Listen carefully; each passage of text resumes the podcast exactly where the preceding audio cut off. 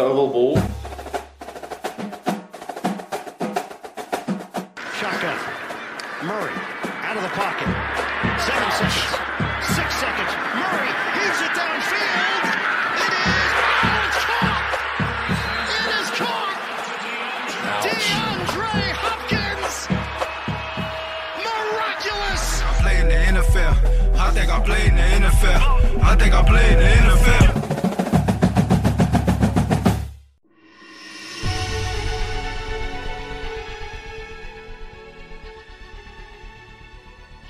Hjertelig velkommen til oval ball. Litt manko i studio i dag. Hjertelig velkommen, Stian. Tusen hjertelig takk, Reier. Velkommen til deg, Reier. Tusen takk. Kenneth har gyldig fravær. Ja, han har for mange unger. Uansett, det tikker mot sesong. Eh, Nå er det bare to og en halv uke igjen unna premieren. NFL-lagene har begynt å utnevne starterne sine, og folk legger kanskje siste hånda på verket i fantasy-planlegginga med et siste dypdykk i de ulike lagene som Roosters. Kanskje vi kan hjelpe til litt eh, denne gangen. Vi får jo besøk som skal hjelpe oss i den planlegginga. Jeg lar eh, snappen gå. Football til folket. Football til folket.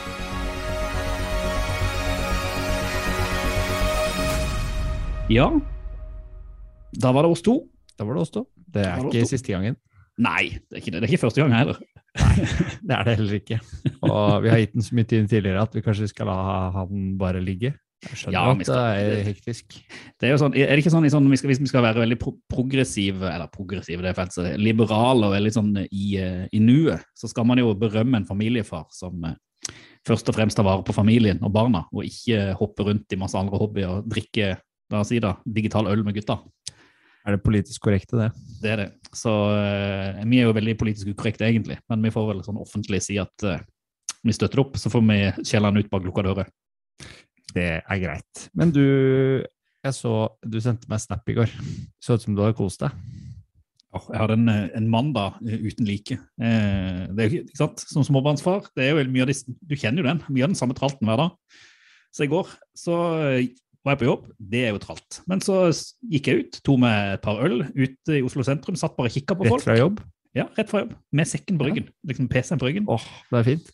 Spist, møtte en kompis, spiste mat på dette her Oslo Street Food-stedet food, eh, midt i byen. Nydelig. Velger liksom, Det er jo så mye, mye digg. Og så gikk vi på konsert på Sentrum Scene på en mandag. Perfekt. Future Island. Helt strålende. Og da fikk du en melding av meg, da. Eh, For da kom jeg på Herregud, vi har det, Stian. Vi skal jo på konsert i slutten av oktober. Mhm. Vi skal gå og se Honningbarna. Så det bare slo meg det skal bli så stas. Det skal vi komme tilbake til sikkert her i båten, hvor stas det egentlig var. Ja, men hele den oktobermåneden ser jo lyst ut. Vi skal på tur òg. Oh. Kenneth kunne ikke være med på det heller. Herregud. Stakkar Kenneth. Han, han, det er godt han er familiefar, så vi andre kan uh, leve livet. Ja, jeg syns det er på sin plass. Men det er en herlig mandag. Bra måte å starte uka på.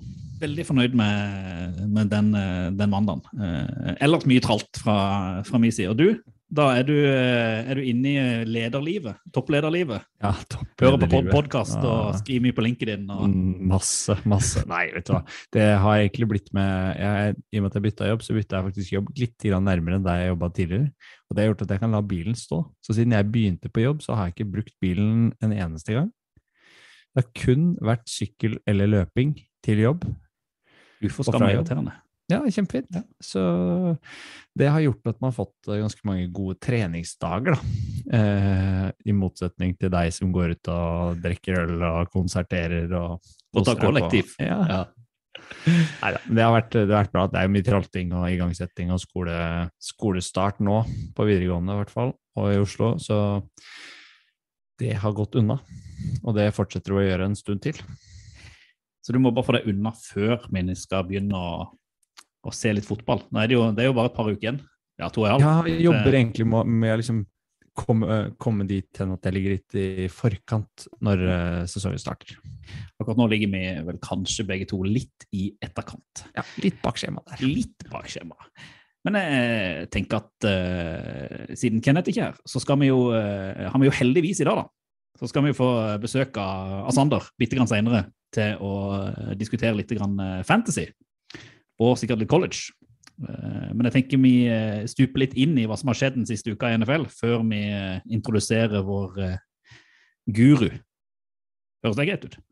Jeg syns det høres helt fantastisk ut.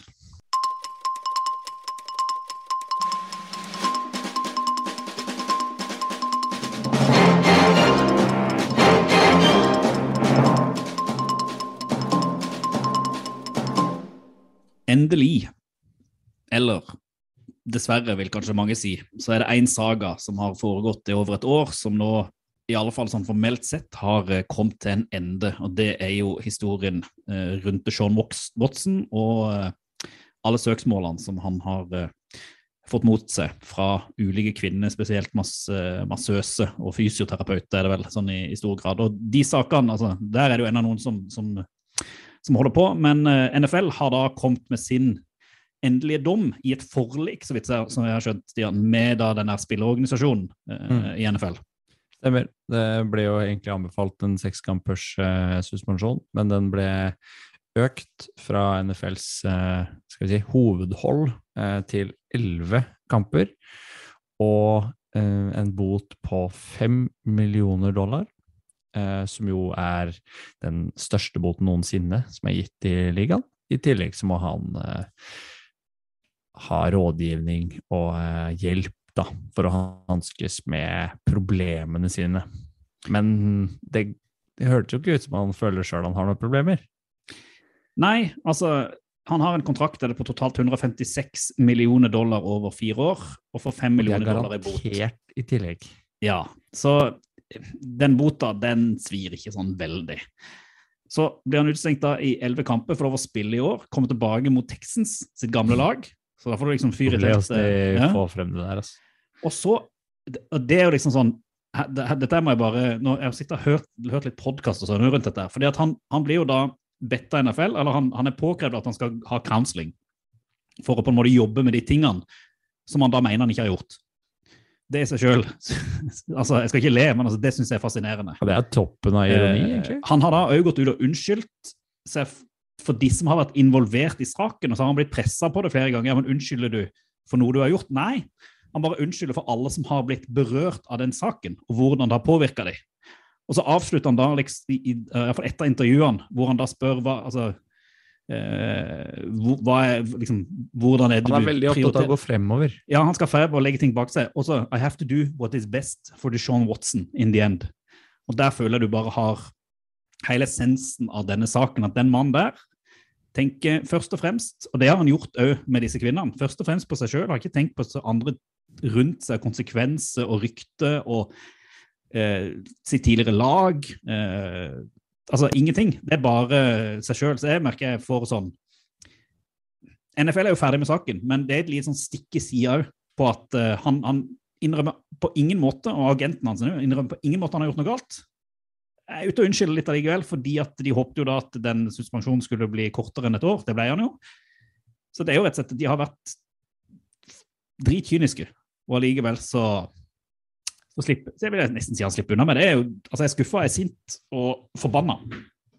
For jeg syns det er Ja, vi har vært Ja. ganske sånn oppgitt over denne saken der ganske lenge, og vi kommer jo ikke unna altså den konklusjonen. Hvis vi skal si at det her blir en konklusjon, så får vi inderlig håpe at ikke man bare liksom ja, Sporten eh, sørger for at det her bare går over. For dette her bør være forbundet liksom både med Deshaun Watson, og det bør være forbundet med klubben sånn i utgangspunktet.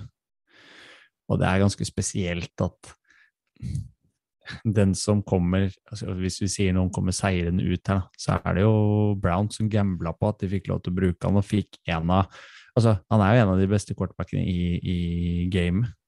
Og de får han tilbake ganske raskt, og gambla på at de skulle få det. Ja, altså jeg håper jo, Det er fælt å si, altså, men vi er jo ikke på nasjonal radio, så jeg håper det går til helvete. Rett og slett. Eh, og, og, og jeg ser jo, Du ser jo når fansen i Browns prøver nå å få dette til å bli en sak som er ferdig og borte. Var det noen som hadde Twitter, det er sikkert mange som har sett altså, det har ligget ute på sosiale medier, en far og en sønn som står med to skilte, hvor det står på det ene skiltet hvor faren holder 'Fuck them hoes', og så står sønnen ved siden av, kanskje ti år, åtte år, ti, ti åtte år, 'Free Deshaun Watson'. Og der bare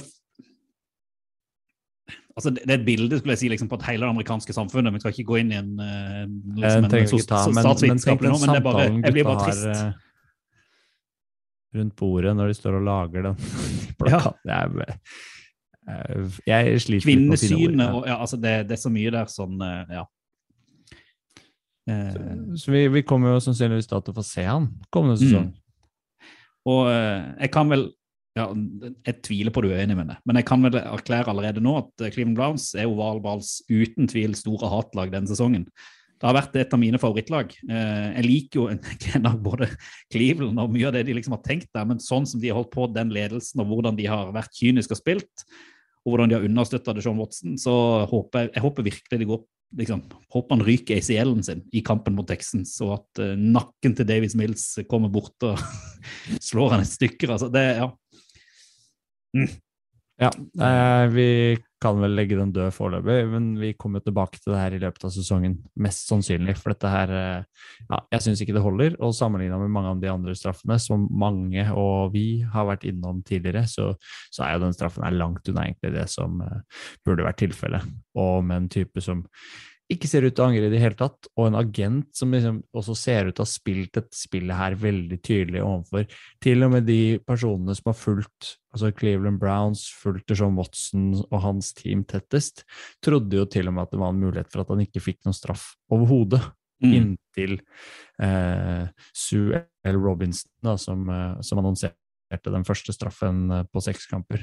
Så så de har jo spilt og, og fått maksimalt ut av liksom, saksgangen og hvor måten de har brukt media på, hvordan de har stått frem og stått på sitt og, og melka sin, sin greie hele veien, og kommer på sett og vis ganske eh, De kommer ikke det, godt ut av det PR-messig, men sportslig så kan det jo hende at det faktisk Det kan, det kan godt være. Eh, Men jeg syns òg NFL får et, eh, enda et sånt skudd for baugen her.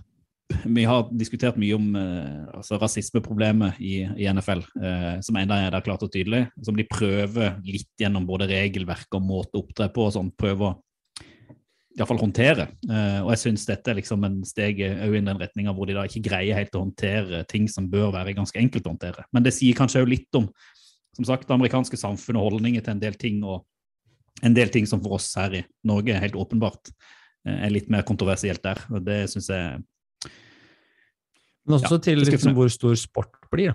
Eh, Mm. Det handler litt om det også. For det her har du jo også andre navn tidligere i i NFL-historien.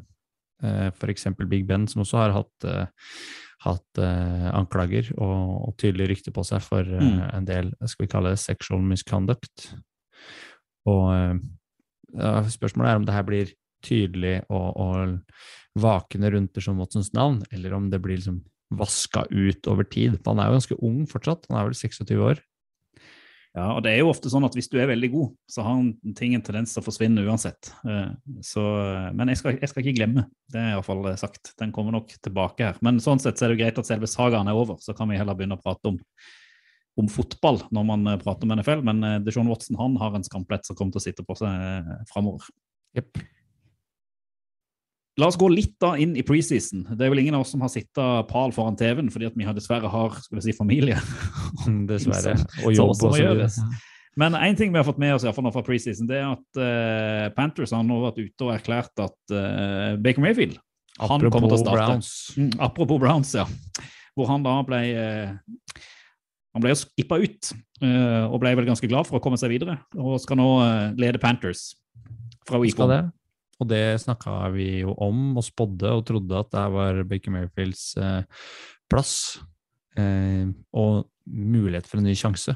Mm. Og at han ser ut til å overskygge Sam Darnold i Carolina Panthers, det er ikke overraskende for meg. Eh, og Baker Mayfield er en tydelig, tydelig eh, eh, hva skal vi si, forbedring på posisjonen hos, hos Panthers. Men han må, han må opp noen hakk hvis han skal, skal levere det, for han har vært altfor for ustabil. og Hvis han i hvert fall blir kvitt skadene sine og kanskje får en, en viss trygghet, så kan det bli bra. Eh, veldig spent. Jeg tror òg der kan det ligge Går det dårlig i starten, så kan det godt være at han ryker fort ut igjen. og de prøver, altså, Matt Rule kjører den samme at han prøver noe nytt hele tida for å håpe at det skal gå bedre.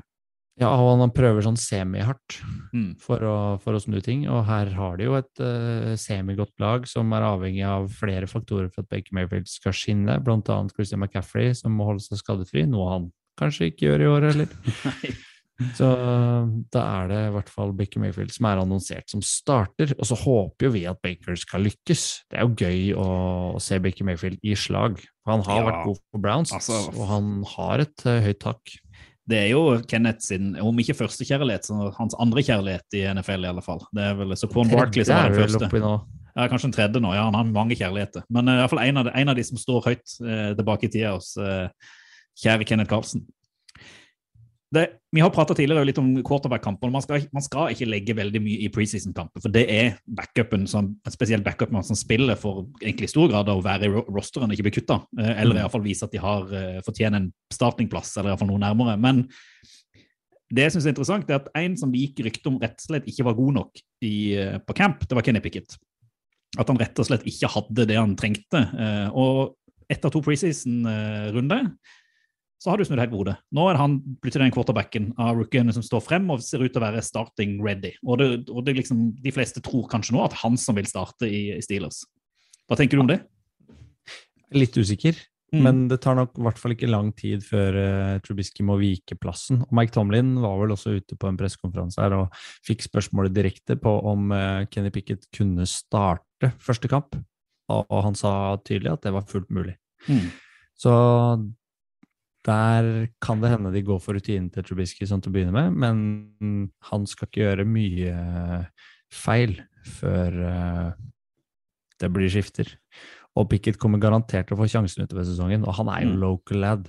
Han er Ja, jo born and raised, så han kommer garantert til å bli fremelska av fans og, og fremsnakka av media, og eh, han får sjansen. Og Steelers er jo et fantastisk lag å få lov til å begynne å spille i. Jeg føler det er et av liksom de mest sånn franchisene hvor de rett og slett tar vare på folk og greier å spille på styrkene. Eh, Sammen med George Pickens så blir jo det kjempegøy å følge med på. Ja, ja, ja. Pickett og Pickens. Det blir uh, the two piece.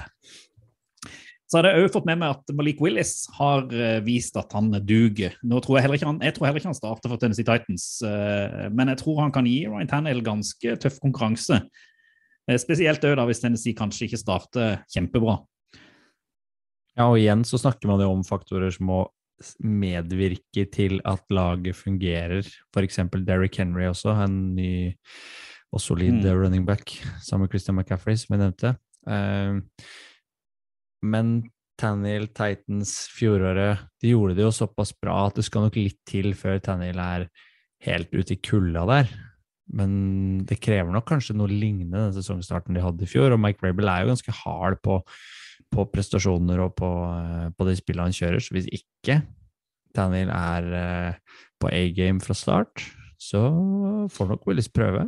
Ja, for det, altså, eh, Titans var jo kjempegode i fjor, men det var jo ikke hovedsakelig Tannehill sin fortjeneste. Det var jo forsvar, og det var en del andre altså running back som man hadde var inne for Derrick Henry. og det var, det var liksom Han spilte på det jevne. Så hvis du får inn Malik Willis, som er mye mer mobil, hvor du får litt mer å spille på, kanskje er litt mer uforutsigbar, eh, Mm. men han er like trygg eh, som Tannehill er på sitt beste, så eh, altså, jeg er veldig spent der òg på hva som, hva som skjer. Ja. Du, har, du sett noe, har du sett noen preseason-kamper, da? eller? Jeg har bare sett et høydepunkter, Mm. og av det jeg har liksom merka meg, er uh, det som var litt gøy. Det var jo at uh, Kyler Murray fikk lov til å kjøre litt uh, og, og call a place for Cardinals der, mot Ja. Ravens. Ja. Gikk ikke sånn kjempebra. Ble stressa på sida, og kan det hende at uh, Hvordan spilte Madden? Ja, Ja. det gikk eh. Det var gøy. Gøy klipp. Sjekk det ut. Han ser litt stressa ut på sida. Det det må jeg ta og se. Mm. Men du, da? Nei, jeg hadde satt på lørdag her, og da gikk det jo en del kamper. Både klokka Mm. sju og, og klokka ti. Så jeg har jo eh, Det var vel det var Bills mot uh, Broncos. Broncos, ja. uh, så jeg tuna inn på den, for jeg tenkte jeg skulle bare se hva det var. Det som var kult der, da, at da satt jo eh, Bills ut til første rekka på den første driven. Så Josh Mm. Allen og hele. og så Bare for å se hvordan det var. De gikk jo rett gjennom forsvaret til Broncos med en gang og var superimponerende. En Kjempekast på slutten av Josh, Josh Allen på den første driven. og så, så trakk de av den første rekka. Og Bills vant vel 45-17. Altså, det var ekstremt overbevisende. 15, tror jeg det ble. Ja. Ekstremt overbevisende, selv om det mye, bare var mye backuper som spilte. Så Bills eh, det, det lover jo veldig bra, iallfall, eh, ut fra preseason. Min MVP. eh, Ja, ikke sant? mm. Eh, og så hadde jo eh, Så spilte jo Lions mot eh, Colts. Eh, og det var jo litt sånn interessant. Det var jo ikke noen av, det var ikke noen av de veldig store kjente spillerne der heller, men når man sitter og ser på Hardnox, så får man jo en liten sånn ekstra forkjærlighet for Lions. Ikke kjempeimponerende fra, fra, fra noen lag, men du ser at noen av backupene er gode. Lions stakk jo av og vant den eh, fordi at Colts bomma på eh, extra point etter en touchdown rett før slutt. Så da iallfall Lions fikk følelsen av å vinne på slutten istedenfor å tape på slutten, selv om det bare var preseason. Så det Imsa den følelsen. Nei, ikke sant? Skal Hashtag. ikke. Mm. Og det, det siste Så, ja. og det siste jeg bare har fått med meg, det er jo bare fordi at jeg er jo, en, jeg er jo veldig glad i friidrett. Eh, Så jeg sitter jo jeg sitter og har sett på EM og, og VM og sånn, og så har du jo eh, Jeg syns jo det er fascinerende. Altså. Egentlig han som er verdens beste 100 meter, 110 meter hekkløper, Devon Allen, som ble diska da etter en eh, 20-start i VM. Så han fikk jo ikke løpt der og vist det. Men han er jo da blitt tatt opp i rosteren til Eagles. Eh, og han spilte i preseason, og han hadde Det tror man også finner ute på, på sosiale medier. Han hadde iallfall et catch hvor du ser den hurtigheten han har på banen. Han er ikke stor, han er ikke sterk, men jeg tror hvis han får det, altså, greier å få enda litt mer spill og forståelse og litt mer eh, koordinasjon med, eh, med offense, så kan det kan bli Altså, du kan jo ikke stoppe han. Altså, han løper så fort at du kan ikke stoppe han utenom å bruke ulovlige midler. og Det, Han det er en hopper, du. Hæ? Han kan hoppe. Ja, ja, ja. Ja, men det klippet må vi finne, for det, det må legges ut på, på våre sosiale medier. For det er Jeg så, så det på Twitter, og det var altså for en type. Det er tempo. Det kan jeg si. Han er litt raskere enn deg og meg, tror jeg. Ja, det er det man kaller en underdrivelse, men det er greit. Fikk du med forresten med deg nå slapp eh, Eller eh, spiller du noe Fortnite? Nei, så, sånne ting min, min, min er ikke så gammel nok til det. Så det Nei, det skjer litt her i huset. Ja. Det visste jeg, da. Patrick Mahomes. Han er en ny figur i Fortnite, så han kan du da velge å kjøpe og, og drive og krige med på Fortnite. Aha. Uh, Så han har drevet med det. Men uh, Ja, apropos det, da. Jeg, fikk, jeg så litt på Kansas sin kamp òg, Ja. i preseason. og Hvor Mahomes var inne og tok noen av de, eh, altså et par av de første driverne. Og han ser òg ut som han er Han er iallfall han er ikke dårligere enn han var tidligere. Så jeg er veldig spent på å se om han kan komme tilbake på sånn ordentlig MVP-nivå. For det var utrolig kult å se han bare litt i preseason, hvordan han allerede styrte og eh, fleksa ut eh, Placer. Og det er jo mange som spår at eh, Mahomes skal ta revansj i år. Mm. Han er ikke dårlig, han. han Men en annen som ikke er dårlig, som nå har valgt å begynne å trene igjen, ja, det er jo Goat. Tom Brady. Tom Og- Brady. vi, vi har hatt en føljetong da i, eh, i oval ball hvor vi har lurt litt på hva som er, hva som er greia. Hvorfor han har vært vekke. Altså Først så var det sånn vi tenkte at nei, det er overgangsrykte. Nei, han skal vekk liksom fra, fra Buccaneers. Og så leste vi et eller annet om at nei, det var Giselle som hadde, som hadde bestilt en eh, ferietur til Bahamas for lenge siden, og den skulle Tom være med. og Da var det ingen sosiale medier. og Hvis du legger merke til på hans Instagram-konto, hvor han er ganske god til å poste, så har det vært en lang pause fra 3. august til i går, som da var 22. august. No posting. Så der er det sånn der har det vært eh, ingen kontakt. Og så var det Kenneth da, som kom i går og sa Nei, men herregud, dere, han er jo med på The Masked Singers. Det er derfor han ikke har sagt noe. Og i dag så la han ut en Twitter-melding hvor han da sa No Masked Singers. Uh, but I'm back. Et eller annet greie. Så uh, det er jo et rykte som har rulla. Var det ikke Fox han skrev kontrakt med, Jo, det var det. og det er Fox som sender det. Det er det. Så uh, hvem veit? Nei, men han er tilbake. Og, Ja. og hva tror du, tror du det betyr noe at han har vært ute? Jeg tror ikke det. eh, For det, han, han er så rutinert at han, han, han er såpass seriøs at eh, jeg tror dette her er noe som har vært avtalt før nesten han kom tilbake. Og så er det bare en sånn deal med familie eller hva har vært. Men er det ikke rart at de gjør det til en sånn PR-sak, da? Ja, men altså, Når Brady forsvinner fra camp i preseason, det blir jo en når ikke han er der og ikke du kan svare helt på hvorfor. Det er jo litt det. Nei, hadde de sagt han er skada, men de, det var en sånn Buck sa jo ikke noe klart og tydelig heller. Nei, og Poenget er vel også at uh, da han ble henta til Bucks, var det 2020-sesongen, så spilte han vel ikke noe kamp med Chris Godwin og Mike Evans før første seriekamp heller. Nei, ikke sant? Så det tok litt tid å Og Du husker jo også den gikk med dem den sesongen? Ja, de kom til Superbowl. Han vant òg, tror jeg. Jeg gjorde det. Apropos det, jeg så et intervju med Mr. UFC, Dana White, er det ikke det han heter? Jo. Eh, som er da kjempestor Raiders-fan. Eh, hvor han ble, De satt og diskuterte Tom Brady, og da sa han jo eh, sånn at I never thought this would be public. Men han hadde jo da egentlig jobba for å prate med Tom og hadde nesten fått forståelse for at, at eh, Tom Brady og Gronk begge to skulle, gjøre, eh, skulle gå til Raiders før han da gikk til Bucks. Men så var det Joe Gruden som hadde satt foten ned og ville ikke, ville ikke ha han. Og jeg tror eh, White var litt bitter for det, når han så hvor bra de gjorde det i Bucks og, eh, og kom seg helt til Superbowl og vant hele hoiten. Ja, det er jo også Man diskuterer også hva Tom Brady mente med 'that motherfucker', som han sier på intervjuet der. Eh, om det er Derek Carr han sikter til. kan godt være. Ja. Så det er. Carr har, for enda litt eh, lagt litt sånn bør på skuldrene når han vet at eh, Tom Brady kunne kommet inn der og erstatta han. Da må han levere.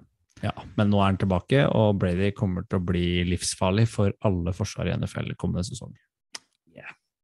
Og så har NFL som alltid lansert liste, Stian. Og du elsker liste. Jeg liker lister, Mm. eh, og vi får sannsynligvis flere av de eh, i denne episoden også, men de liker jo alltid å legge ut en sånn topp 100 spillere-liste før sesongen, litt sånn for å fyre opp oss og publikum som kanskje ikke har sett så mye til de gutta i eh, preseason-kampene, og for å tydeliggjøre liksom hvem som er best da. Og vi trenger ikke nevne alle her, men det kan være verdt å liksom nevne noen av, vi kan ha en liten quiz du og jeg nå. Ja.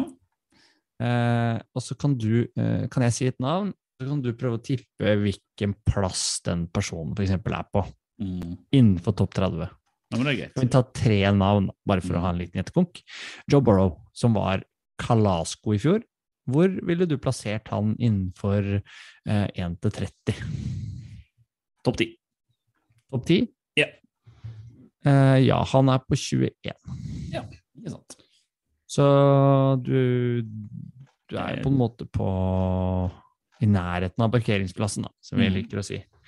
Eh, vi kan ta din eh, Var det MVP i fjor, eller Offensive Player of the Year? Stefan Diggs. Topp 50. Topp 50? Ja, da er du Mm. godt innafor. Mm. Han er innenfor topp 30. Han er det, ja. ja, Ja, jeg vet ikke om jeg var hatt han der engang. Hvor vil du tippe den innenfor topp eh, 30? ja, på 30.-plass, da. 30. Nei, han er eh, 26, altså. Ja, ok. Såpass høyt. Ja da. Og nå er vi Kan vi jo si at vi er innafor Kan ta en til, da. Kan vi ta Bror Diggs, som jo var en god spiller i fjor? Hvor ville du plassert han? Jeg tror jeg vil, altså Innen topp 30. Han er jo kanskje topp 40, topp 30. Ja, han er ikke så langt unna broren, skjønner du. Han er på Ja. 23. Så der kan du også gå inn og lese. Det er en slags anbefaling som vi har i, har i dagens episode. Vi kommer jo tilbake med en skikkelig anbefaling seinere. Men, men den lista som nfl.com driver og legger ut nå om dagen, den er kalas eh, gøy å lese, og, og god for deg til å lese deg opp på liksom, det som kommer eh, om to og en halv uke. Og jeg regner med at du som vår SoMe-sjef kommer til å tweete dette ut, sånn at folk kan klikke på linken, så de slipper å leite den fram sjøl. Ja, selvfølgelig. Ja, men er fint. Men nå litt grann eh, oval balls punter news. Sixth round draft pick, his first punt today. And it's a big one. Wow, look at this to the 15, and it's a touchback. I mean, there's an 82 yard punt. Altså sånne ting. Det syns vi er gøy. Det har jo ingen betydning for spillet, egentlig. De får ikke så mye poeng, og de er ikke så, så viktige. Men kickere og puntere, det liker vi i oval ball. Hva var dette her for noe, Stian? Det var jo vår eh, favoritt, Matt Arisa. Punt God. Punt God som vinner eh, plassen i Bills som punter. Eh, han er rookie. Etter Matt uh, Hawk, er det sånn det uttales? Ja, har, blitt, Hawk, eh, ja. ja, har blitt sluppet. Så Arisa har da den eh, plassen i eh, kommende sesong, og vi altså, når du ser sånne klipp som det der, og hører lyden og hører kommentatorene gå helt amok over de eh, sparka som de har, da koser vi oss. 82 yard punt i preseason. Det kan bli gøy for Bills hvis han eh, bare stiller seg enda mer, eh, mer inn. Vi kan avslutte med en uh, liten nyhet, da. Sånn En trist nyhet for Kenneth. Ja. Trist nyhet for Kenneth. Tror det er derfor derfor ikke han er her, kanskje. Ja, ikke sant? For han har jo fått seg en ny kjærlighet. Den, det er jo alltid en ny kjærlighet hvert år. Og årets kjærlighet, K1 Tibbedaw. Han er skada. Han er skada. Heldigvis ikke så alvorlig som eh, vi trodde. Nei, de sier jo det, men altså tre til fire uker er jo ganske lenge. hvis det, Og så kan det være at det endrer seg, at det blir, blir lenger. Så vi håper han er tilbake til sesongstart, men det er jo mulig han må sitte første slash andre kampen ut. Mm. Så vi får håpe han eh, kommer snarlig tilbake, og Mm. at Kenneth snart får den drakta si i posten, da. Ja, den, når han får nummeret sitt offisielt, er det ikke så? Det er riktig. Det fikk jeg beskjed om fra NFL Shop Europe. Og så er det en annen en som jeg trodde kanskje aldri ville komme tilbake, men eh, som er ofte Er det The Pup List det heter? Nei. Ja, PUP. jeg PUP, ja. Men han er i hvert fall i gang med individuell trening, som betyr at han eh, Hadde han ikke vært eh, av den lista nå, så hadde han ikke vært innenfor contention til å spille innenfor de første fire rundene. Så tror jeg det fungerer. Ah. Så han ble tatt av nå for å kunne starte treninga. Bakhtiari, altså. Left tackle til Packers. Packers. Vi håper jo egentlig han skal bli frisk til vi skal til London. Vi må jo si det. Og det hadde vært så gøy. Ja, Eller så kanskje han setter seg blant publikum og drikker øl, sånn som han pleier. Samme oss. Ja, det er bra. Topp tre. Tre topp. Pott tre. Opp tre. Topp tre. Oval vals, topp tre.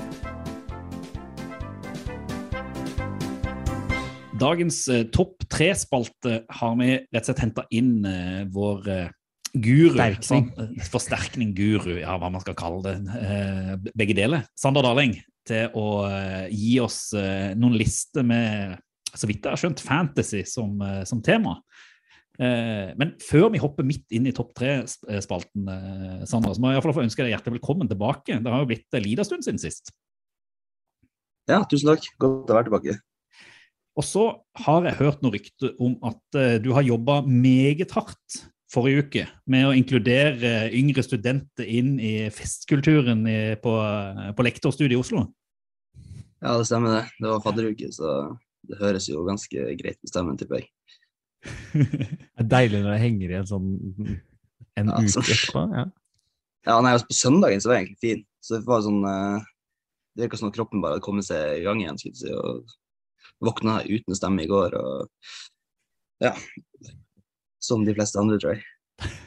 Ja, men det er bra trøkk på Blindern eh, i de ukene der, pleier det. De har vel eh, fortsatt uh, sedvanlig ølteltet sitt oppe på plassen her, eller? Ja, nå er jeg jo på Oslo Mett, da. Men uh, bra Stemmer, trøkk, eh, stemmer, er bra på trøkk der òg. Ja, så det er ikke som at alt er blitt alkoholfritt nå fordi at man skal være politisk korrekt og du bare skal sitte og drikke sånn eh, druesaft og liksom Ja, hvis- synge kumbaya. Ja, nei, hvis noen fra Oslo Mett hører det, så var det alkoholfri uke. Det var eh, holdt på, eh, holdt på lange dager. og- Ja. ja, Mye lesing og mye studiepedagogikk og spesped og ja. Uh, nei, men nei, nei. Altså, det, er jo, det er jo det det går i. Oslo blir jo et sånn festivalområde hele den, eh, Det den uka. Du ser de med både fadder-T-skjorter og, og fadderbarn sånn rundt om i hele byen. Når man er Jeg var en liten tur ute på fredag, jeg også. Da var det god stemning. Ja, ja. Jeg, jobb, jeg jobber jo på en sånn skole òg, så det har vært god stemning der òg. Forrige uke, kan man jo si. Det, det jeg, jeg, jeg, Vi er jo bare misunnelige, det er egentlig derfor. For vi er, liksom, vi er langt forbi det livet, så vi lever gjennom dine, dine festeegenskaper, Sander. Ja, det, det har dere levd bra forrige uke. Ja. Det var uh, Nei, men jeg var på, jeg var på Intility på uh, søndagen med, med onkel og en kompis av han. Og da sa han det han uh, Kompisen har merka så godt når det var fadderuke, for han dro, dro eh, fra jobb sånn klokka tolv på fredagen, så tok han bussen i lag med bare fulle studenter. Så Ja, sånn skal det være. tydelig tydelig Ja, da er uh, sommerferien slutt. Det er det man Ja. kjenner på når til og med studentene er i gang. Har du, følt, har du fått fulgt med noe på preseason og fotballen, da? Eh, I eh, oppstarten til å bli klok og smart på Slomett, eller? Eh, Ja, litt. Eh, ikke sett noen kamper, egentlig. Bare sett litt klipp her og der og fulgt med på Eller prøvd å følge med på det som skjer, da. Eh, Det er sånn typisk eh, sånn preseason. Vi bruker litt tid på å komme i gang, vi, vi fans også. Så leser vi mer, og så ser vi litt høydepunkter på YouTube. Og antar at du også har hevet deg på hardnok-kjøret, iallfall. ja, nei, jeg har faktisk ikke fått sett noe. Oi sann! Eh, Har du jeg gledet deg? Ja, nei, jeg har hørt jeg har noen kompiser som har prata godt om, uh, om Hardnox, så jeg gleder meg egentlig til å, til å få sett det òg. Eh, Kenneth ikke er her, for han har ranta igjen om de klippa og de tingene han ikke har fått sett, og hvor dårlig liksom, GamePass og hele det produktet til NFL er. Så Åh. vi slipper den ranten i dag. Ja. Men vi har jo, eh, vi har jo hyra deg inn eh, først og fremst fordi du er en, en bedre liksom, Du har bedre oversikt enn Kenneth. Det er det aller viktigste. Og så fordi eh, det nærmer seg jo Vi, vi er jo med i samme fantasyliga. Og nå, nær, nå er jo på en måte siste innspurten og de siste draftene foregår jo i disse dager, og man legger jo gjerne de ganske sånn tett opp til eh, seriestart. Så, så vi tenkte jo at det var på høy tid med litt sånn fancy-prat. Selv om Reier ikke er overbegeistra for temavalget, så, så har vi jo anerkjent at det er en viktig del av NFL-fanbasen. da. Det er litt som fadderuke. Bare... Du tar deg en rusbrus hvis du må, fordi at det må til. Så jeg kan, jeg kan takle den. Det går fint. Ja, som sørlending så, så vet du jo sikkert hvordan det er. Men, eh, men eh, du fikk oppdrag å lage noen litt sånn ulike lister da, til, til liksom spillere og valg som, og hva som kunne være smart å tenke sånn før, eh, før fantasy-draftene. Så, så nå fikk du jo det først og fremst fordi jeg har lyst til å høre dine som hvordan du har tenkt å gå ut i den draften du og jeg skal ha. Ja, det klarte jeg. Nei da, men, men, men rett og slett fordi kanskje folk er nysgjerrig da, på, på hva som ligger i, eh, i potten her. Ja, nei, fantasy er jo, eh, er jo kjempegøy. Og det er jo egentlig litt sykt at ikke Reier er mer på, eh, mer på det, da. Ja, gi meg et år. Jeg kjenner meg sjøl. Det kommer. Jeg kommer. Det Jeg kommer, kommer. det. Jeg kommer. Det har mykna veldig bare i løpet Ja, ja. av det siste året nå. Ja, ja, ja. Sander. Jeg hadde, vi hadde besøk av Wessel her òg før, eh, før sommeren, og han var vel eh, klar og tydelig på at det var det bare å hoppe oppi. Så jeg kommer jo til å gjøre det. Jeg bare prøver å være litt sånn der eh, Jeg kaller meg hipster. Det er vel det er bare idiotisk. Så hvor vil du begynne, Sander, hvis du lagde en liste?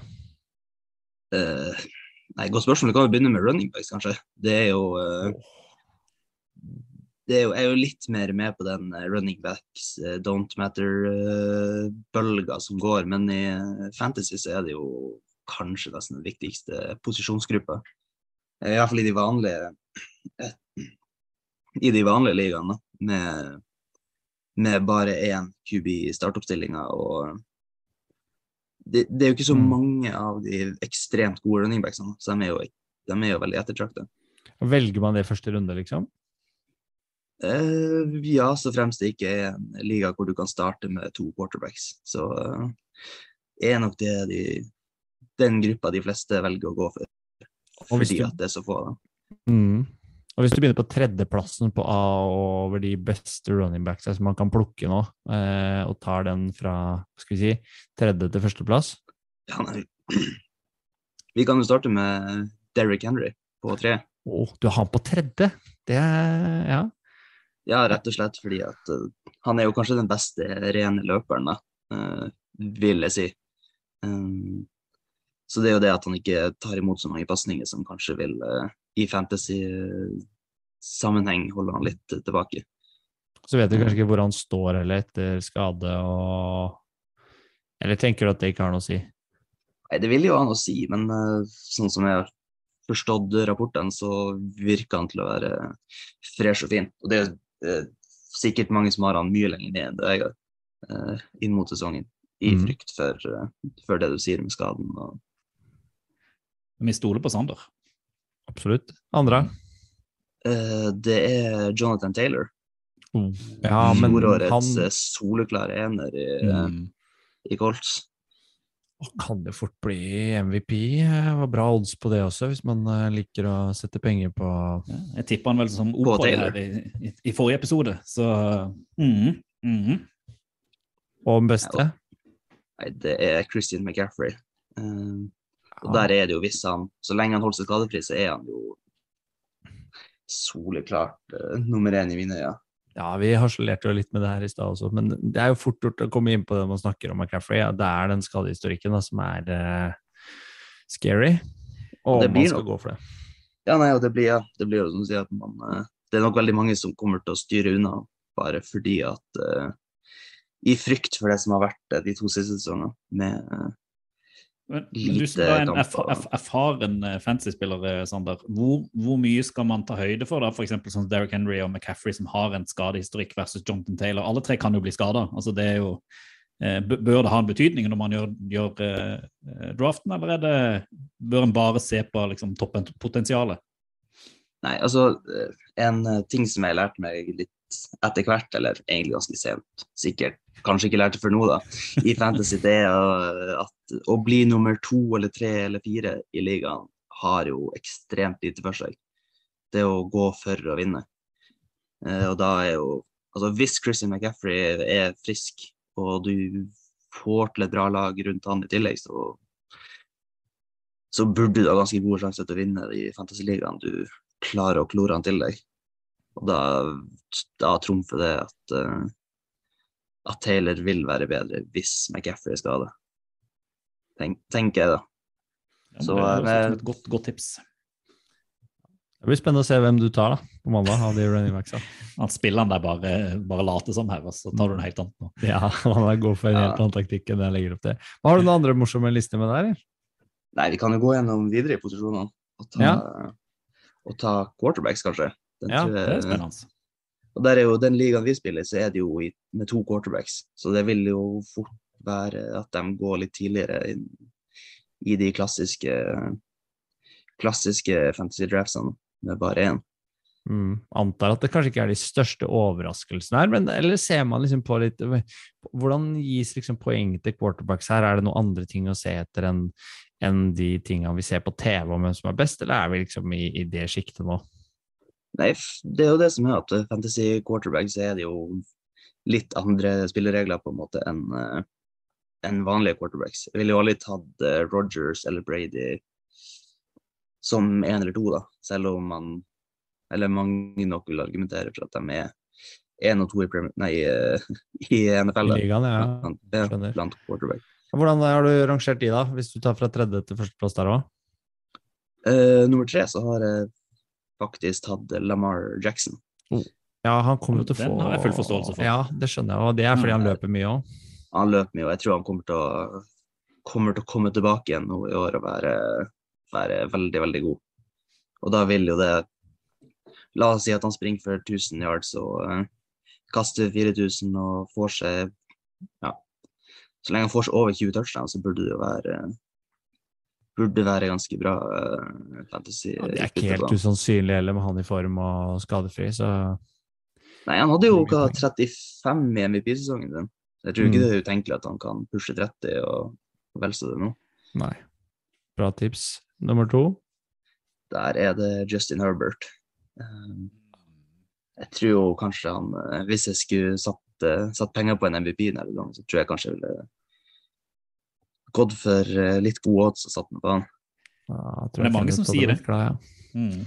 Ja, Han, eh, han har vært så ekstremt bra de siste to sesongene. Om Chargers vei opp nå, så tror jeg Nei, jeg tror han blir steinbra i, i 2022. ja, det er så mange man gleder seg til å se igjen nå. Ja. Når ikke Ja, det er med i preseason, ja. Men når du nevner han, så blir man enda Oh. mer fyra. Ah, Og hvem rangerer du som beste? nei, det er vel sikkert alle sin favoritt, Josh Allen. Ja. Ja. Jeg regnet med den kom der. Det er sånn som det ser ut, så føler jeg det, det, det valget tror jeg jeg har det godt for. Men ja, altså det er jo ikke Jeg har tenkt litt på det med om, om man kommer til å være den beste quarterbacken på Fantasy, eller om det av at han bare føles så sikker. At det virker helt uh, utenkelig at han skal havne utfor topp fem. Det er jo på en måte den sikkerheten du trenger i de quarterbacksene du velger tidlig. da. Mm. Det, Mm. Ja, spesielt på den posisjonen du skal begynne å rangere de. Én ting er å rangere de på Fantasy, som du sier, men når du begynner å skal rangere de også i ligaen, så er det jo Har du liksom en fem-åtte stykker som nesten er vanskelig å liksom sette opp, at det går mer på personlige preferanser og spilleoppsett enn det går på egentlig ferdigheter, da. Men i Fantasy så er det jo poenga som teller, og ja, det kan jo hende at han får løpe litt mer enn han har gjort også. Godeste Erlend. Ja, men eh, jeg vet ikke, det kommer jo an på hvordan, eh, hvordan bilen ser på når han blir å, eh, å verne litt med rommene, sånn som Chiefs har gjort med Mahomes. At det at han skal springe i regular season, ikke, ikke nødvendigvis er det lureste, da. Nei, du sparer det til januar, liksom, når det brenner. Man har jo en Andrew Ja. Luck. Man har eh, sett eh, har tatt, tatt my, to, to mye hits tidlig i karrieren, og det gikk ikke så bra. Så det er jo det å beskytte, beskytte han så godt de kan, hvis han, de vil ha han i mange år framover. Ja, og jeg tipper jo de ser det de, i Bills eh, trenerteam òg, at det kan være kan være lurt å prøve å unngå det så mye som mulig. Mm. Har du en, eh, en annen liste av wide receivers, kanskje? Er det dit vi, dit vi skal nå på neste? Det er vel dit vi beveger oss, ja. Ja. Um, veldig, den det er nok veldig kjedelig for mange, men uh, Jamar Chase som uh, nummer tre. Mm. Um, Fjorårets kanonkule. Uh, Ja, ja. Han, han, han kan fort bli hva som helst, egentlig. Eh, litt veldig med å finne ut hvor jeg vil plassere han. Eh, men det er jo den I den ligaen vi var i i fjor vi, Jeg hadde ikke lest reglene nøye nok, så vi trodde egentlig vi hadde samme lag og skulle liksom bare drafte liksom rookies og det som ikke var plukka.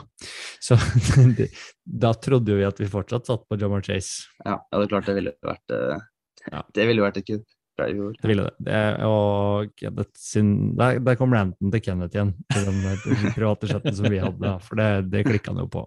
Jeg tror Jamar Chase, eh, om mulig, kommer til å ha en bedre sesong igjen. Altså. Han eh, For en eh, fantastisk atlet. Mm. Ja, Jeg er spent på hvem du har foran han. på den lista òg, altså. Det må jeg jo si. Nei, det, nummer to er jo Cooper Cup. Kanskje flere sin uh, nummer én. Men uh, han, var, han var så Den sesongen han hadde i fjor, var bare så insane at es- Det blir så nedtur å liksom ta han, ta han som nummer én og så vite at Selv om du kan på en måte ikke gå feil med han. og Ja, for her, her, må jeg, her må jeg spørre deg, for her, nå, nå er jo mange, er flere som har sagt at de tror ikke Cooper Cup kommer til å ha den helt ekstreme sesongen som han hadde i fjor. For det er sjelden at du ser de, den type tall på en sånn type wide receiver. For det folk rater ikke han kanskje som topp, til og med topp fem wide receiver i, i ligaen. Ja. Så, så hvorfor vil han da ha så mye altså Hvorfor er han, er han så høyt på de liste i Fantasy? Tror, tror du han vil ha en bedre sesong, eller samme type sesong, eller er det andre ting som gjør at du har han så høyt? Jeg er litt overraska nesten at du har han der. Det er kanskje fordi at uh, man har en idé om at han leverer på samme nivå. Ja, nei, så Det er jo matten som, Mm. uh, som gjør at, han, eh, at man vil ha han der oppe. Ja, nei, han, han, had, han har en uh, Først og fremst så har han jo en helt sinnssyk altså target share i, i Rams. Den tror jeg ikke ble noe svekka etter sesongen i fjor. Og vi vil jo Altså i Fantasy så vil vi jo ha de receiverne med den 30% eller mer target sharen som er astronomisk nesten i, Mm. Eh, og så er han jo han, Vi vet han blir kasta mye til i red zone, og, som da igjen fører til touchdowns. Og han eh, Selv om han Jeg ville kanskje ikke plassert han sånn som dere sier, så høyt på en liste over de beste wide receiverne i ligaen. Men han bare altså Det at han schemer så åpen og altså er så sentral i det Rams-angrepet, det gjør jo at Han virker jo køl umulig å dekke opp. Ja. Han har så han, mange eh, strenger å spille på, da. Han har, Ja, han har så mange ulike Han er god til å løpe ruter, og han er god til å løpe fritt også. Og, og løpe seg fri fra, fra dekkinga. Så men, men er det mulig å gjenskape den sesongen han hadde i fjor? da? Jeg syns det det. sånn. Nei, for det var helt insane det han leverte, og, og det Rams leverte i tillegg, da. Du er jo litt avhengig av å ha en eh, quarterback også som, som er på samme eh, nett som i fjor. Ja, det har jeg jo lest litt om, at, uh, at Matthew Stafford har en eller annen skulderskade, det er albueskade. Mm.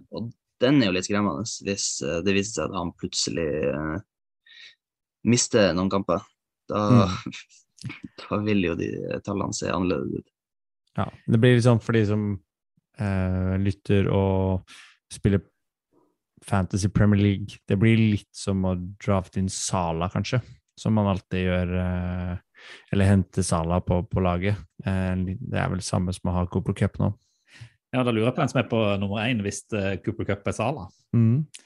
Da er det vel Haaland da, som ligger på Kan toppen der. Jeg, jeg. Jeg, jeg, jeg, jeg tror jeg vet hvem det er, men eh, du kan si det sånn der. Ja, nei, det er Justin Jefferson. Ja. Mm. Og det går litt på det med at uh, det å gjenskape den eh, wide receiver 1-sesongen som Cooper Cup hadde i fjor, det, det er tungt. Det,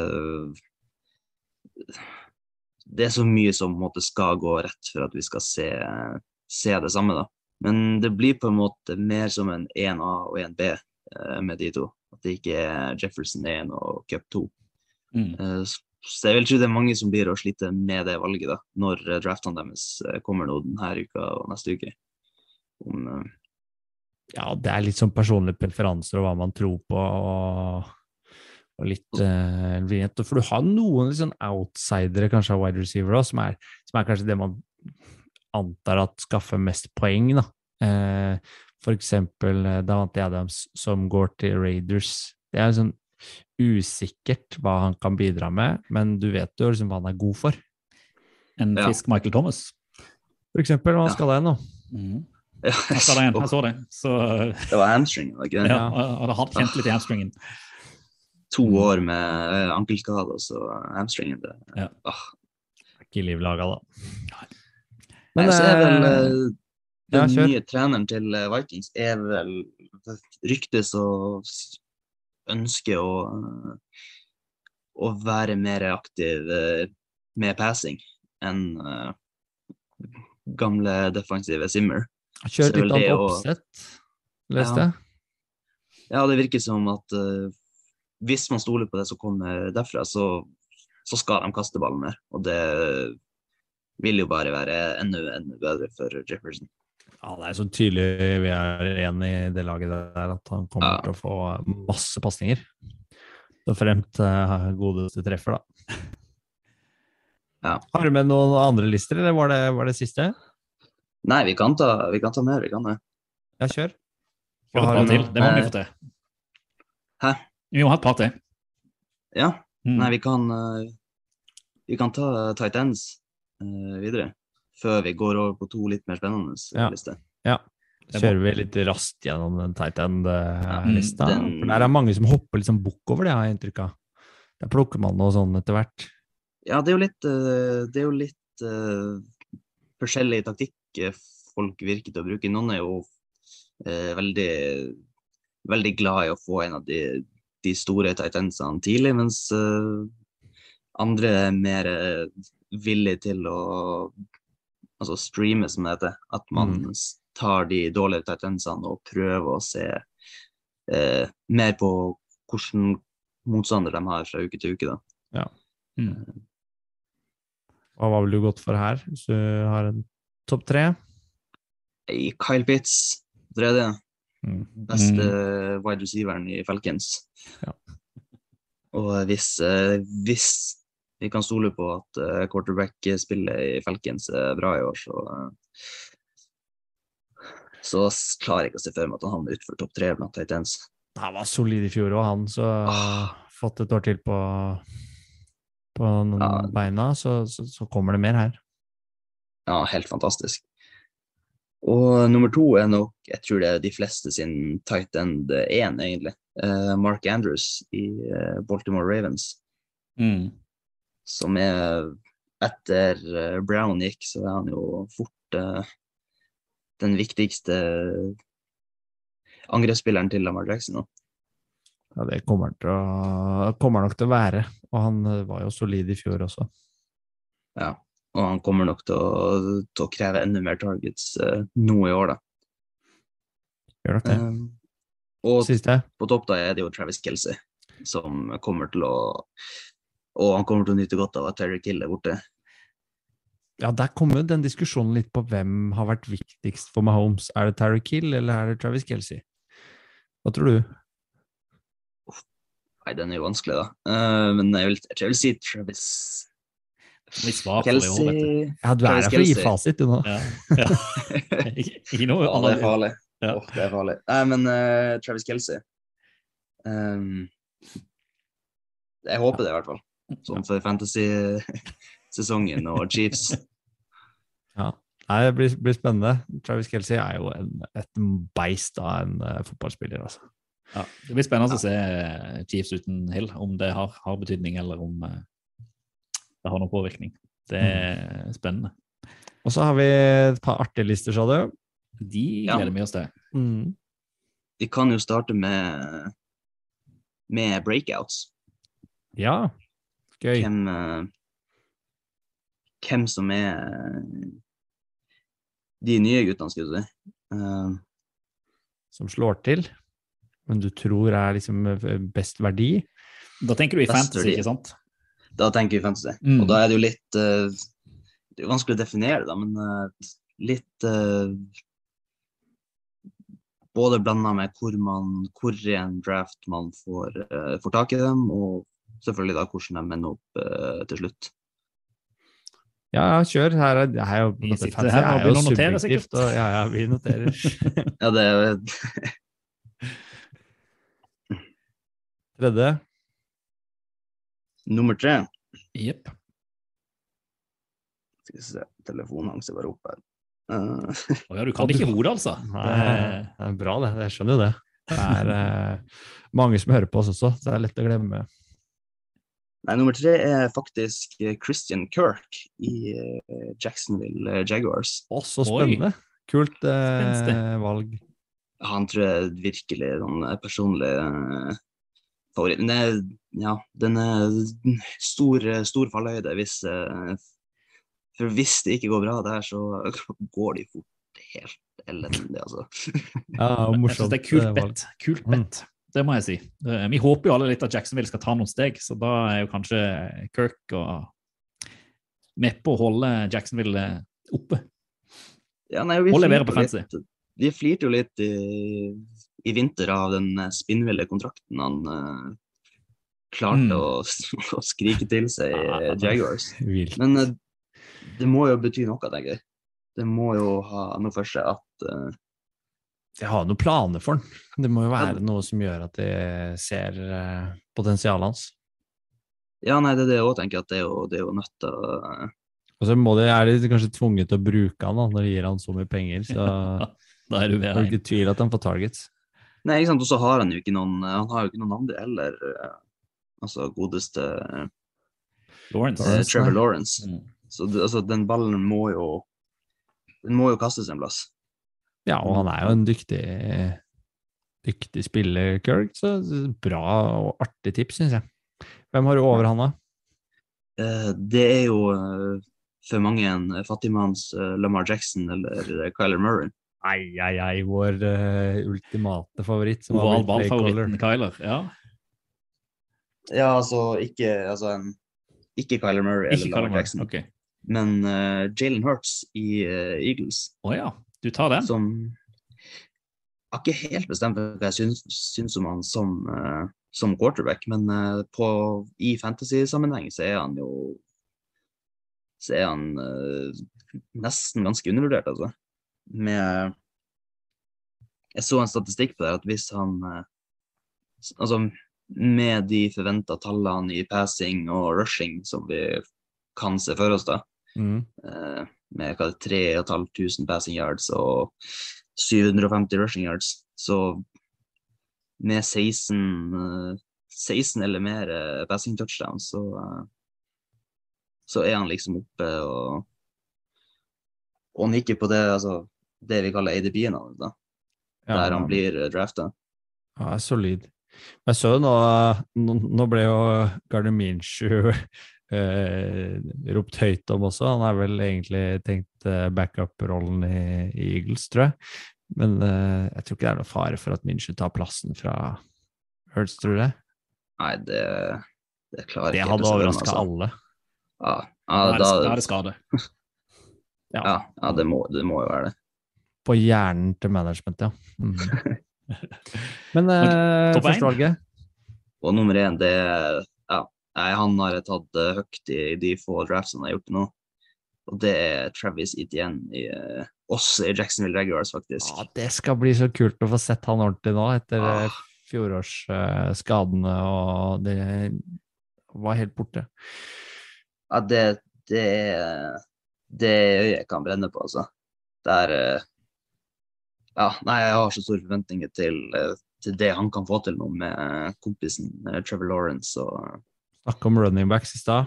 Så Mm. har du et igjen der. Det er helt uh, solid, så det er jo et bra, et bra tips, da. Hvis ikke du får en av de tre, du, de tre store som du var innom uh, tidligere. Så du har, Ja, litt, altså du har litt tro Ja. på Jacksonville i år? Det var bare det jeg skulle spørre om. Det virker jo sånn. Ja, nei, jeg merker jo det nå når vi, når vi går gjennom litt, at, uh, at det er Det blir fullt Jacksonville offense, det her. Det blir Ja, det eh, Trevor litt Lawrence for, og Etienne eh, og Christian Kirk. Ja, nei, det er jo notere. Ja, nei, når vi prater om det, så merker jeg at det er nesten litt uh, Litt for høy på Jacksonville Jaguars. Men uh, nei, som sagt, den uh, Travis Etienne-plaga kommer jeg til å stå med til uh, snøværet i januar. altså. Stå for det. Stå for det. Ja, Ja, det så er hadde, du, nydelig. så hadde du ei siste liste òg, som du sa var litt morsom. Ja det er da på motsatt side en s- skuffelser eller spillere å Oh. styre unna, da. Ja, den er viktig. Og her, Den er må, viktig folk, Kenneth, eh, her må jeg lytte. Ja, du er Stian. Eh, og der kan vi jo starte med nummer tre igjen, som, eh, som vi alltid gjør. Eh, og det er DK Metcalf i, i Seattle Seahawks, altså. Ja, det er bra, for han kan man jo fort liksom tenke at det er en Han er jo en stjerne-wide receiver, det er han jo. Ja, nei, det er det ingen tvil om. Eh, Men hva er grunnen til at du setter han her? ja, det er jo det at den eh, ja, De har jo en QB-battle, men eh, det er jo ikke helt ja, Nei, jeg tror hvis vi skulle satt opp en liste med quarterbacks i NFL, så vet jeg ikke om noen av dem hadde vært topp 32 engang. Og det, det, det er jo litt problematisk med 32 lag i, eh, i ligaen. eh, er Jeg føler det er et argument som bare står seg. Det, det, det bare, ja, OK, da tar vi den. Ja, ja nei, den eh, Det er det. Andre? Uh, og andre er da i samme eh, i samme skuffeskuddet. uh, Deontay Johnson i, uh, i Steelers. Han, han draftes jo av mange som Eller det går jo på at jeg syns han draftes for høyt til igjen hva det er som skal kaste på han. Ja. Og med hard konkurranse i Både Claypool og Pickens og, og Fryermuth og der har de også running back-støtte, så Mm. det er Ja, jeg, altså, det syns jeg er bra calla, Sander. For det har jeg også tenkt på, at det er liksom en spiller som kanskje er litt overvurdert. Både eh, IRL, som det heter, og, og i, også i fancy, da. Nå var det jo ungdom her, Stian. Ja, det er blir ikke yngre. Ja, nei, og det er jo litt gjengangen i så, tips til, eh, til, eh, til fantasy. Da. Det er ofte, spesielt når det, eller når det kommer til wide receivers, å se på uh, quarterbacksene som skal kaste dem. For det har, det har litt å si uh, på fantasy, uh, som naturligvis i virkeligheten òg. Men det er litt lett å glemme, sånn som med de her to som er ganske gode wide receivers. Det er ingen garanti for at for at de blir å få så mye baller som man skulle forventa nå, med enten da en rookie for Steelers eller ja, drit for Seahawks. Og hvem er da den ultimate spilleren å holde seg unna? Søpla. Uh, av de som ikke er åpenbar uh, søppel, så har jeg valgt uh, Joe Mixon i Bengals. Uh, fordi sånn som vi prata om i stad, så uh, i hvert fall eh, tenker det er lurt å prøve å gå for å vinne, vinne Fantasy-ligaen sin. Og da er Joe Mixon er dessverre ikke en spiller som jeg tror kommer til å vinne noen, noen, noen trofeer da, i år. Og da seiler du liksom, da er du middelhavsfarer, hvis det er han du går for. Ja, det er liksom ikke han som blir å gi deg 40 poeng i, i den eh, fantasifinalen som du kanskje trenger for å vinne. Nei, men han gir deg de fem hver uke, på en måte. Han gir det stabile tallet hver uke. Og så Nettopp. Nettopp. NFLs Louis å ha. Eller Wilfred, det var hva var det jeg ute etter. Ja, han hadde jo et par mål nå i helga, da. Ja, ja. så du, Ja. Ja. Men ja, tidligere, så eh, Ja. Det er helt korrekt. Nei, men det var uh, det var nyttig skolering uh, for vår del her. Ble du litt mer fyra på fantasy, eller? Det kan jo være jeg må joine inn på mandag når det skal Ja, drafte. du skal få det. være med å velge. Det kan Det godt Vi er jo tre GMs der. Uh, Når jeg hører jo sånn, jeg, jeg elsker jo egentlig fantasy, så jeg må jo kanskje bare legge meg ned og hoppe inn. Så tusen takk for et nydelig tips, Sander. Det skal vi ta med oss. Og så, nå vet vi jo litt hva du tenker, så nå går Ja, det an å spille mot det. Ja, og så er det jo ja, det er sikkert mange der ute som er uenige, så det er jo eh, bare å fyre i med, med tilbakemelding på det.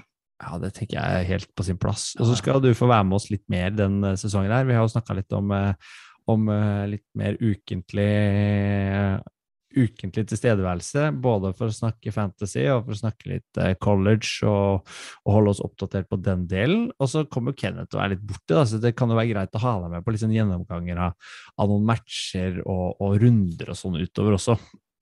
Ja, for hver annen Eh, vikaren, det Ja, ja, det er, det er ultimat. Vi kan ikke, kan ikke tilby vikarlønning, men eh, vi kan tilby Like god stemning, god stemning som en fadderfest, bare uten alkohol.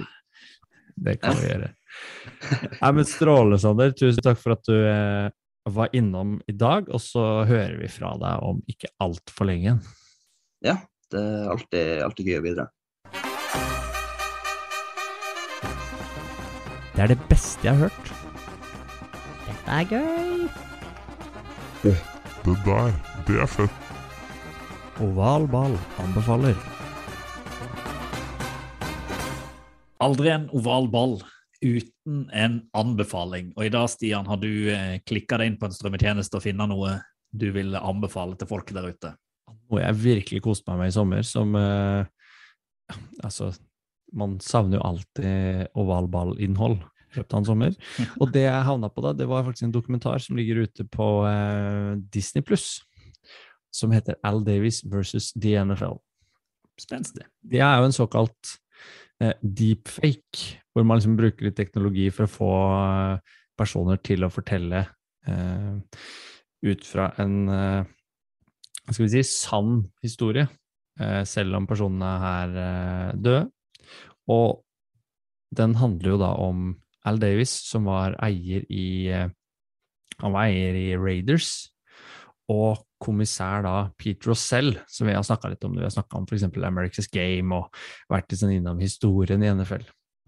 Og den krangelen som går liksom fra midten av 60-tallet, da Rosell var NFLs yngste kommissær, og Davis leda egentlig skal vi si, rivalen AFL. altså Det starter egentlig med NFL versus AFL, og så går det over til å bli en sånn NFL versus Raiders for hvor uh, Davis utfordrer på en måte eierskapsmonopolet til, uh, til Pete Rosell. Og den utgis egentlig hva skal vi si, når Raiders avslutter sin første sesong på nyeste Altså i Las Vegas, da Mm. toppmoderne stadion. Og det handler jo om hvordan de, de diskuterer hvordan Raiders da skal flytte fra Oakland til eh, Los Angeles, og videre da til eh, hvordan de flyttes videre da til Las Vegas til slutt. da. Og utfører liksom hvordan eierne da skal egentlig få lov til å bestemme selv hvor de vil plassere klubbene. Så det er en uh, utrolig sånn kompromissløs og, og uh, under huden-dokumentar, hvor du ser eh, historiene sett fra liksom, de eiernes og ganske store personlighetenes ståsted. Så absolutt verdt en kikk. Varer én time og 18 minutter. Akkurat som en fin spillefilm på i helga. Ovalball. Fotball til folket. Da er det under ei uke til mi, og nå er jeg vel inkludert i dette her, skal drafte i eh, Fantasy. Ja, ja, du er på nå. Ja, 17 dager til, om jeg ikke tar feil. Så er det kickoff, sesong. Mm. Og om ei uke så er kanskje Kenneth òg til, tilbake her. Men jeg syns når vi har hatt det hyggelig, spesielt når vi får hedersgjesten Sander inn til å gi oss de beste tipsene for, uh, for Fantasy. Og det trenger vi, før, uh, før vi har ikke lagt noen slagplan. Vi har ikke hatt noe lagmøte ennå. Og Nei, altså- lagt opp taktikken når Kenneth bare skal drive med kids. Eh, Så jeg håper jo, altså dere der ute som, som spiller fantasy eller som holder på draft, eller skal drafte, gjerne dropp eh, deres topp tre-liste på uh, ulike fantasy-tips i oval ball pod, uh, om det er på Twitter eller om dere legger det ut på, på Facebook eller på Gjerne send i DM-en på Instagram òg, for den saks skyld. Kjør på. Sånn at, sånn at vi kan lære litt mer. Vi vil gjerne høre om dere er enige eller uenig med, med Sander òg. Eh, også eh, når vi er tilbake om en uke, så kan vi jo fortelle litt hvordan det gikk. Eh, både i draften, og da, da begynner vi virkelig å nærme oss sesongen. Så det blir uh, Da skal vi snakke opp, da skal vi spå litt til. jeg tenker det, litt mer spådom om som ikke har eh, fantasypoeng i seg, men som rett og slett er litt uh, ulike gøye lister rundt hva vi tror skal skje i den neste sesongen. Ja, da er det vel liv laga for å ta kvelden, er ikke det? Jo, det syns jeg. Eh, takk for nå. Det var hyggelig, Stian. Det var helt supert. Og så gleder jeg meg til neste uke. Det er jeg. Eh, Fotball til folket. Da. Fotball til folket. Da. Do the Titans have a miracle left in them in what has been a magical season to this point? If they do, they need it now. Christie kicks it high and short. Going to be fielded by Lorenzo Neal at the 25. Yeah, it Pitches to- it, back to Wycheck. He throws it across the field to Dyson. He's got something. 30, He's got something. 50. He's got it. 40, He's got it. 20, 10. He's got it. End zone. Touchdown Titans. There are no flags on the field. It's a miracle. Tennessee